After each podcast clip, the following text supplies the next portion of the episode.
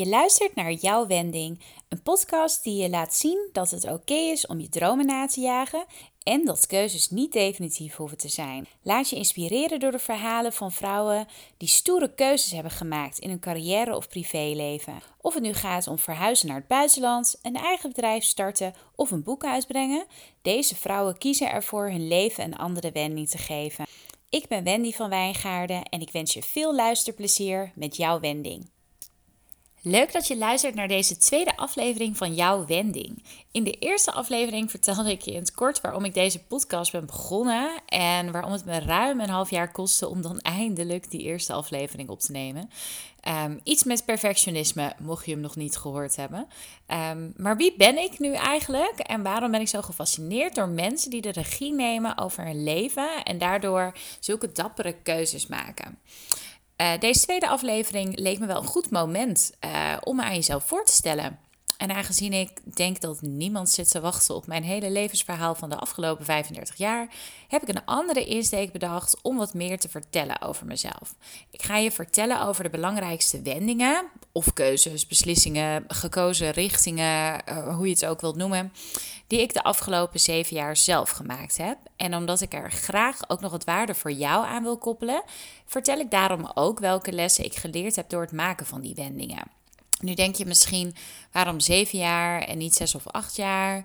Eh, volgens verschillende filosofen en uh, psychologen is je leven opgedeeld in fases van telkens ongeveer zeven jaar. Uh, de eerste fase loopt van 0 tot 7 jaar, de tweede van 7 tot 14 jaar. En zo begint er elk jaar weer, of elke zeven jaar weer een volgende fase. En um, die fases hebben ook allemaal een naam. En in elke fase doorloop je een bepaalde persoonlijke ontwikkeling. Ik vond het nogal interessant toen ik las over de fase van 28 van 35 jaar. Uh, die wordt de fase van inzicht genoemd. En ze zeggen dat je jezelf in deze fase. Um, wat meer naar binnen keert en nadenkt over wat je in die 28 jaar ervoor hebt meegemaakt, hoe je bent opgevoed, uh, hoe je leven er op dat moment uitziet en hoe jij naar het leven kijkt. En dat je wat kritischer gaat nadenken uh, over of je het daar eigenlijk wel mee eens bent. En daardoor uh, leer je jezelf dus steeds beter kennen en uh, kom je steeds dichter bij wie je werkelijk bent. En je weet in die fase ook steeds beter wat je belangrijk vindt in het leven, wat je graag wilt bereiken. En al weet je misschien nog niet precies hoe je dat allemaal kunt of wilt toepassen, dat herken ik ook. Um, wordt het wel steeds duidelijker voor je. Nou, de fase waarin je het dan wel allemaal leert uh, of weet hoe je het wil toepassen, dat is dan weer de fase die bij 35 tot 32 jaar hoort. Dus uh, de fase waar ik inmiddels in zit. ik ben heel benieuwd wat de komende zeven jaar me gaat brengen. Nou, toen ik erover aan het lezen was, uh, herkende ik dus heel veel in die fase van 28 tot 35 jaar. Want voor mij hebben die afgelopen zeven jaar echt zoveel inzichten opgeleverd. En ik heb in die jaren by far uh, de belangrijkste en soms ook wel moeilijkste keuzes tot nu toe gemaakt. Ik heb mezelf veel beter leren kennen. En ik ben ook anders in het leven gaan staan. Als ik kijk, um, zeg maar, hoe ik nu tegen dingen aankijk, vergeleken met zeven jaar geleden, dan is er echt heel veel veranderd. Um, dus ik heb besloten om je um, dus wat meer over mezelf te vertellen aan de hand van de belangrijkste wendingen van de afgelopen zeven jaar. Nou, de eerste wending, dat was ook meteen wel de moeilijkste. En dat was toen ik op mijn 29ste besloot mijn relatie te verbreken met mijn vriend, waar ik op dat moment ruim vijf jaar samen was. Ik ga niet te veel in detail treden, want dat vind ik uh, niet eerlijk tegenover hem. Maar um, dat was, het was een hele fijne relatie waar ik heel erg lang um, heel gelukkig in ben geweest. En waar ik ook nog steeds heel erg dankbaar voor ben. En toch merkte ik op een gegeven moment aan bepaalde dingen dat het voor mij niet de relatie was uh, waar ik de rest van mijn leven in wilde blijven. En, dat was heel lastig, want voor de buitenwereld was het de perfecte relatie. En in veel opzichten was het dat ook. En toch miste ik ook een aantal dingen waardoor ik me behoorlijk eenzaam heb gevoeld, uh, zeker in de laatste periode. Uh, ik kreeg veel steun toen ik die knoop doorhakte, maar ook veel onbegrip. Um, omdat mensen dus niet begrepen waarom ik zo'n goede relatie ooit zou verbreken. En ik moest naast die emotionele kant van die beslissing uh, ook nog eens dealen met de praktische kant. Zoals een veel te duur huis dat uh, midden in de financiële crisis verkocht moest worden. En waar ik uiteindelijk ook een flinke schuld aan overhield. En dat huis was voor mij een van de belangrijkste redenen om die knoop niet door te hakken. Ik was zo ongerust over de financiële consequenties dat dat een soort onoverkomelijke drempel werd nou, eerlijk is eerlijk, we maakten uiteindelijk ook bijna 40.000 euro verlies op dat huis. En toen we de gezamenlijke spaarrekening uh, hadden leeggehaald, uh, was de uiteindelijke restschuld ehm, die voor mij overbleef, uh, was 10.000 euro. Wat nog steeds een fors bedrag is natuurlijk. Uh, uiteindelijk betaalde ik dat bedrag in anderhalf jaar tijd uh, betaalde ik het af. Wat dus best meeviel. Uh, komt onder andere omdat ik toen mijn auto heb verkocht. Dus dat tikte lekker aan. Um, voordeel daarvan is dat ik me niet zo snel meer zou laten tegenhouden door mogelijke financiële consequenties. Um, dus ik maak me niet zo snel meer zorgen over de waarde van mijn huis.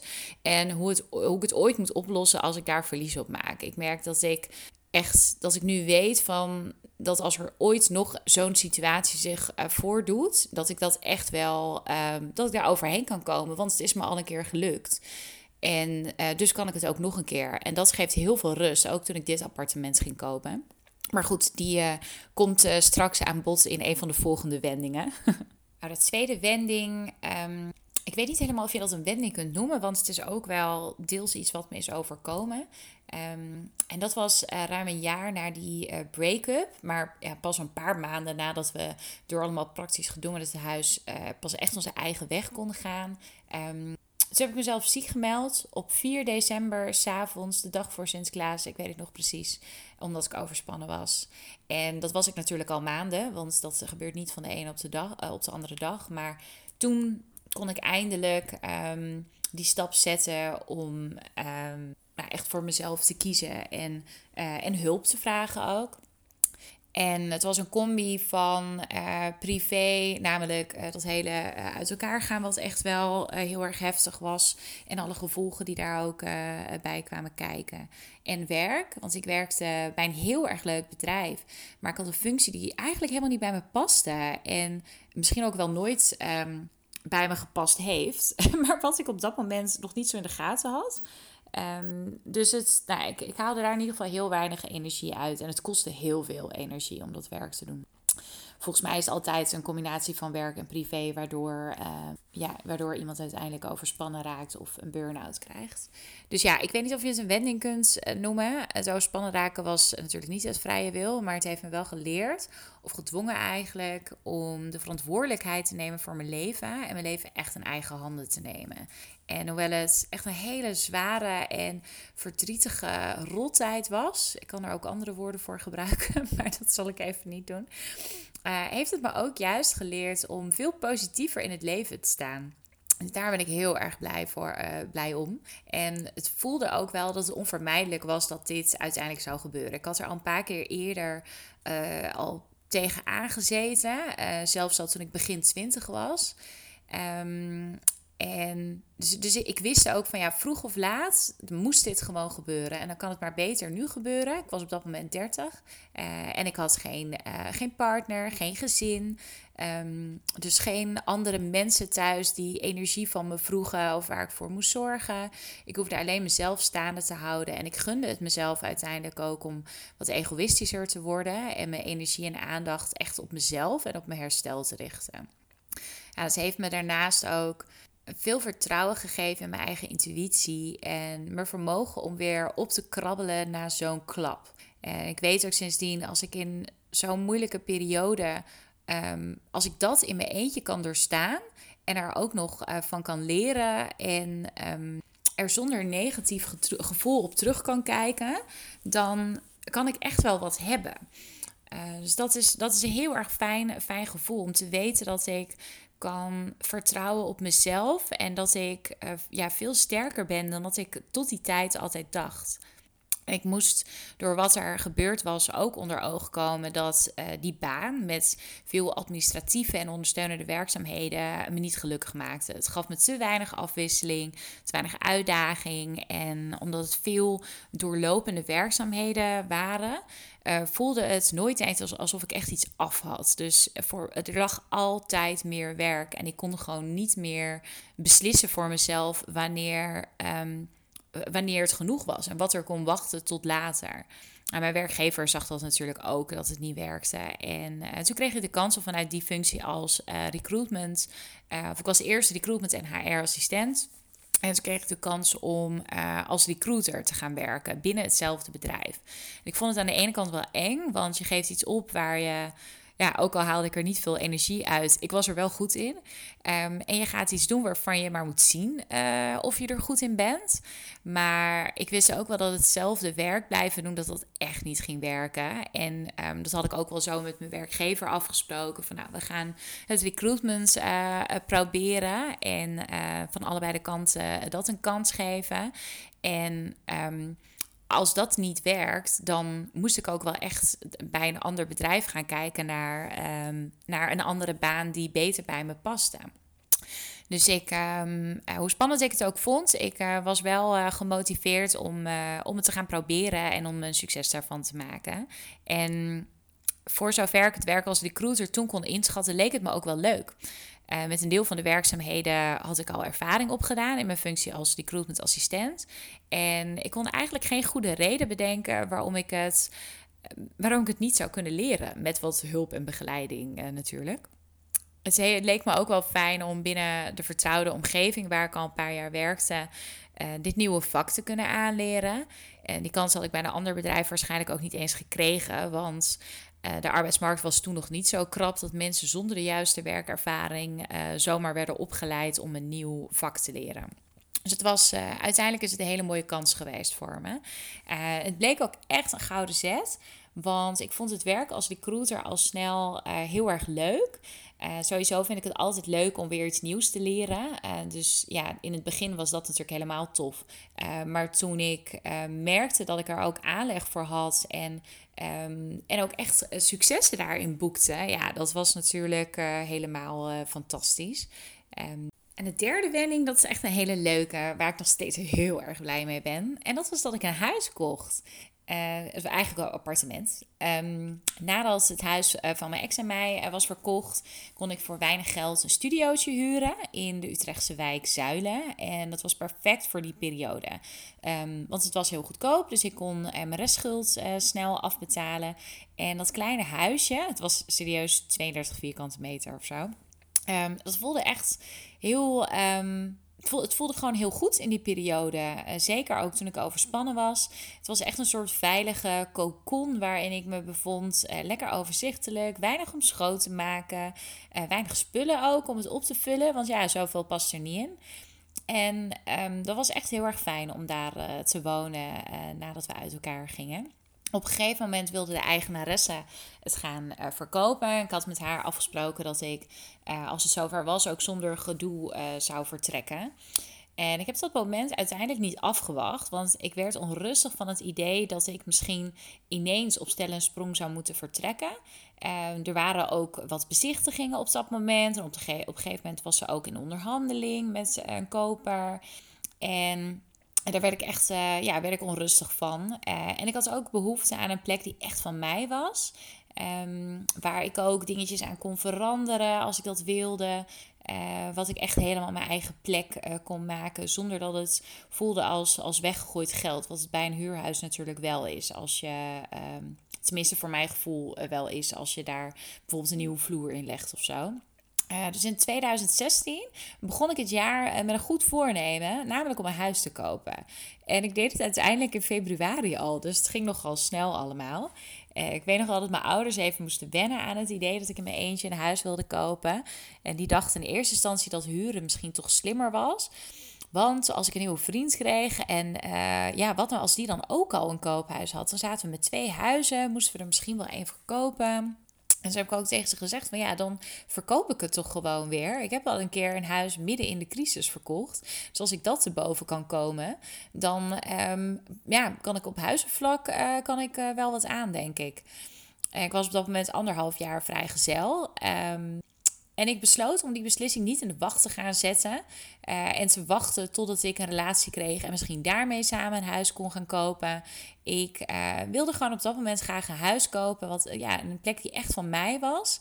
En die ik dus ook kon verbeteren en mooier maken. Waardoor het misschien ook zelfs meer waard zou worden. Natuurlijk was en is nog steeds uh, huren in Utrecht knijterduur. Dat maakte de keuze ook wel wat makkelijker. Uh, dus dan steek ik mijn geld liever in een hypotheek dan dat ik elke maand uh, huur betaal en daar ja, niks mee opbouw.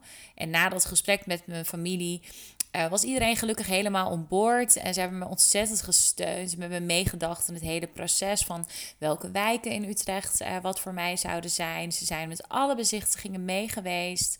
Um, het waren een stuk of tien in totaal. En bij iedere bezichtiging was of mijn vader of mijn moeder uh, of allebei. Uh, en zelfs ook een keer mijn broer mee. Uh, dus dat was echt heel erg lief. en toen ik uiteindelijk het appartement bezichtigde waar ik nu woon, had ik er meteen een goed gevoel bij. En mijn ouders die met me mee waren ook. ik kende de wijk nog niet zo goed, maar het leek me wel een leuke buurt. Um, ik woon nu in Tolsteeg, voor de mensen die bekend zijn in Utrecht. En het mooiste vind ik uh, dat mijn vader toen zei, uh, die dus in het begin nog wel een beetje terughoudend was, dat hij tegen me zei: Ja, en als je er niet kunt aarden, dan kun je het altijd weer verkopen. Dus um, nou, die is ook wel echt op een andere, ja, anders tegen dit soort beslissingen aan gaan kijken. En ik woon nu nog steeds in dit appartement. Ik ben er nog steeds heel erg gelukkig mee. Um, heb inmiddels een nieuwe keuken erin gezet. Uh, want daar had ik toen ik het kocht, had ik er echt geen geld meer voor. Um, dus ja, het wordt. Uh, ik ben nog steeds dingetjes aan het veranderen en dingetjes aan het verbeteren. Uh, om het nog meer mijn lievelingsplek te maken. Maar ja, het is echt een ontzettend fijn huis. En ik ben heel erg blij dat ik die keuze gemaakt heb destijds. En dan de vierde wending. Het zijn er trouwens zes in totaal. Dus dan weet je nog weet je wat je nog te gaan hebt. Uh, en de vierde wending was um, uh, nog niet zo heel erg lang geleden. En dat was de eerste keer dat ik alleen op reis ging. Uh, en dan ook maar meteen voor bijna een maand. Uh, en aan de andere kant van de wereld. halverwege 2018 maakte ik met vriendinnen een plan om dat najaar een gezamenlijke vriendin van ons op te zoeken in Singapore. Een soort over de top stedentripper voor je 13 uur in het vliegtuig moet zitten. Um, en toen ik daarover vertelde aan mijn achternicht, die in Nieuw-Zeeland woont. Um, hadden zij me over om dan nu toch eindelijk ook naar Nieuw-Zeeland te komen. Uh, ik herinner me nog dat ze tegen me zei van ja Wendy, uh, als je in Singapore bent, dan ben je toch al halverwege. Dan kan je ook net zo goed uh, in het vliegtuig stappen en nog wat verder vliegen. En het grappige is dat ineens waren al die twijfels die ik had over uh, alleen reizen, of ik dat wel zou willen um, en of ik daar wel, uh, ja, of dat wel bij me zou passen. En ook wel het idee dat ik zo'n bijzondere reis eigenlijk samen met een, uh, liever samen met een nieuwe vriend zou doen. En dat was ineens minder sterk dan mijn wens om naar Nieuw-Zeeland te gaan. Ik weet niet precies wat er op dat moment gebeurde, maar toen ze me die vraag stelde, wist ik meteen dat ik het zou doen. En ik besloot in oktober, uh, na een paar dagen in Singapore, uh, in mijn eentje dus door te vliegen naar Auckland. Uh, vervolgens ruim drie weken rond te reizen in Nieuw-Zeeland. En diezelfde week regelde ik op mijn werk dat ik een maand vrij kon nemen. En ja, toen was het ineens tijd om tickets te boeken. En op een 34ste voor het eerst mijn, ja, mijn eerste solo-reis te gaan plannen. Uh, ik vond de aanloop naartoe echt wel spannend hoor. Um, ga ik me niet eenzaam voelen? Uh, krijg ik heimwee als ik een maand van huis ben? Hoe ga ik het vinden om in mijn eentje in een restaurant te zitten? En had ik ook nog eens uh, Rossi en Irem, mijn twee katten, die echt maar alles zijn. wie zorgde dan voor hun? Uh, nou, dat laatste was gelukkig snel opgelost met een super lieve huisoppas die een maand in mijn huis zou komen en dus ook de katten zou verzorgen. Uh, dus toen ik dat had geregeld, nou, dat was echt een pak van mijn hart. En de rest van die vragen en twijfels, ja, ik wist dat het weinig zin had om er druk om te maken, want ja, je weet van tevoren toch niet hoe het zou zijn. Dus ik kon wel bedenken um, van ja, misschien ga ik me wel eenzaam voelen. Misschien vind ik het wel helemaal niet leuk om in mijn eentje op reis te gaan. Maar daar kom ik toch pas achter als ik het doe. En uh, ik wist dat ik op zich wel goed alleen kan zijn. Um, daar heb ik in Nederland uh, nooit moeite mee en vind ik het eigenlijk wel fijn. En ben ik best graag en best veel alleen ook. Uh, en ik leg makkelijk contact met andere mensen. Dus ja, zou het met die eenzaamheid ook wel moeten meevallen. Want ja, als ik graag in contact kom met andere mensen, dan lukt het me ook altijd wel. En ik bedacht me ook dat in het ergste geval kon ik altijd mijn tickets omboeken en eerder naar huis gaan. Maakte ik me daardoor dan ook echt minder druk? Nou, niet helemaal, denk ik. Um, maar het gaf wel wat rust, omdat ik wist dat ik een soort escape had. Als ik na een week um, echt heel erg ongelukkig was in mijn eentje aan de, aan de andere kant van de wereld, dan had ik gewoon weer naar huis kunnen gaan. Uh, dat helpt me sowieso altijd wel om me de vraag te stellen: wat is er het ergste dat er kan gebeuren? Uh, voor mij was dat uh, toen ik naar Nieuw-Zeeland ging, het ergste wat ik me kon bedenken was dus dat ik me eenzaam zou voelen. En hoe, om dan te bedenken van hoe los ik dat dan op? Nou ja, de oplossing zou dan dus kunnen zijn om weer naar huis te vliegen. En als je weet dat je, het, dat je je worst case scenario kunt oplossen, dan is het ook, dat maakt het wel echt minder eng. Dat helpt mij heel erg. Um, nou, gelukkig uh, bleek ik het uh, me heel goed te vermaken in mijn eentje. ik heb geen heimwee gehad door een maand van huis te zijn. En ik werd stapel verliefd op Nieuw-Zeeland. met haar bizar mooie natuur en leuke mensen. sterker nog, ik stapte in Christchurch huilend op het vliegveld naar huis. En ik had eenmaal thuis juist heimwee naar Nieuw-Zeeland. Nog nooit gehad dat je terugkomt van vakantie en heimwee hebt naar het land waar je geweest bent. Um, en ook wel naar het gevoel dat het solo reizen me gaf. Ik voelde me zo onafhankelijk en zelfredzaam en vrij. Echt alsof ik de hele wereld aankom. zo empowering. En dat gevoel om dat te ervaren, dat gun ik echt iedereen. Nou, nummer 5, wending nummer 5 hangt heel erg nauw samen met uh, nummer 4. En dat was mijn besluit van begin 2019 om uh, mijn banen op te zeggen en te gaan freelancen. Dus om me in te schrijven bij de Kamer van Koophandel. Uh, ik bedacht al, ik denk ergens toen ik in de 20 was, zei ik al wel tegen mezelf dat ik ooit wilde ervaren hoe het is om ondernemer te zijn. Alleen leek het nooit het juiste moment. En voor mijn gevoel had ik ook eigenlijk helemaal geen kwaliteiten waarmee ik als freelancer geld zou kunnen verdienen. En er kwam ook nog eens bij dat het me gewoon allemaal heel erg spannend en onzeker leek. Ehm, zeker omdat ik ehm, ja, nadat, nadat ik mijn relatie had verbroken, ja, dan ben je ook in je eentje afhankelijk uh, van, ja, van je eigen inkomsten. En verantwoordelijk voor je eigen inkomsten. Nou, ja, toen kocht ik ook nog eens een huis. Dus toen, ja, dan heb je een hypotheek die je in je eentje moet betalen. En dat geld moet je toch echt elke maand uh, kunnen opbrengen. Um, dus ja, dat leek me toch wel erg spannend en onzeker. En ik kon ook hele lange tijd geen argument bedenken dat het de moeite waard maakte om die zekerheid van een vaste baan en goede arbeidsvoorwaarden op te geven. Tot ik terugkwam uit Nieuw-Zeeland dus. Want nou, toen ik in november 2018 thuis kwam, toen had ik al besloten dat ik zo snel mogelijk weer terug uh, wilde. Om meer van het land te zien. En ik was zo lyrisch over Nieuw-Zeeland. En ben ik nog steeds trouwens. Dat ik ook wilde ervaren hoe het zou zijn om er een wat langere periode door te brengen. Zodat ik kon uitvinden of ik er misschien wel een tijdje zou willen wonen. Maar ja, als je ergens woont, dan kun je niet alleen maar vakantie vieren. Dus ja, dan kon ik wel nog een keer op vakantie gaan, maar dan zou ik uh, alsnog niet het echte leven uh, daar ervaren natuurlijk. En ineens wist ik toen de oplossing. Want als ik freelance uh, recruiter zou worden, dan zou ik um, nou ja, en flink kunnen sparen, eerlijk is eerlijk. Um, maar ook wel um, remote kunnen werken in Nieuw-Zeeland en ondertussen het land kunnen rondreizen. Dus al die tijd zag ik geen goede reden om mijn zekerheid op te geven. Tot het Nieuw-Zeeland op mijn pad kwam. Dat was net het laatste duwtje dat ik nodig had. Ja, en uiteindelijk heb ik dus mijn baan opgezegd. En wat een stuk makkelijker klinkt dan het was hoor. Uh, tenminste, het opzeggen zelf bleek wel heel makkelijk. Um, en het pakte ook nog eens onverwachts goed uit. Doordat mijn werkgever aanbood om me als freelancer in te huren totdat ik naar uh, Nieuw-Zeeland ging. En daarmee dus mijn eerste opdrachtgever te worden. Wat natuurlijk een hele mooie start was. Maar voordat ik die knoop doorhakte, heb ik echt wel een hoop gepiekerd. wat ik normaal gesproken eigenlijk helemaal niet zoveel doe. Uh, en dat heeft ook echt wel te maken met uh, die financiële verantwoordelijkheden die je hebt en de onzekerheid uh, ja, die je aangaat als je um, niet meer een vast salaris hebt elke maand. Um, maar ik heb het uiteindelijk toch gedaan. En uh, sinds 1 april 2019 ben ik een hele happy freelancer. Ik heb tot nu toe één lange opdracht gehad, namelijk uh, die van mijn oude werkgever.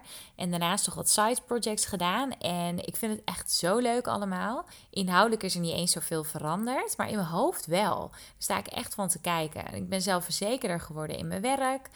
Um, succesvoller ook nog, wat misschien ook wel met die zelfverzekerdheid uh, heeft te maken. En in een paar maanden tijd is wat ik eerst zag als onzekerheid, um, zie ik nu veel meer als vrijheid.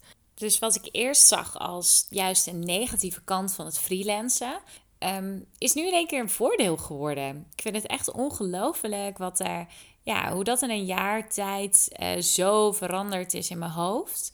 Uh, ja, het is een hele leerzame periode is geweest. Ik ben er heel erg blij mee dat ik deze stap heb gezet. En dan kom ik aan bij mijn zesde en laatste wending van de afgelopen zeven jaar. En dat is degene waar ik echt net uit ben.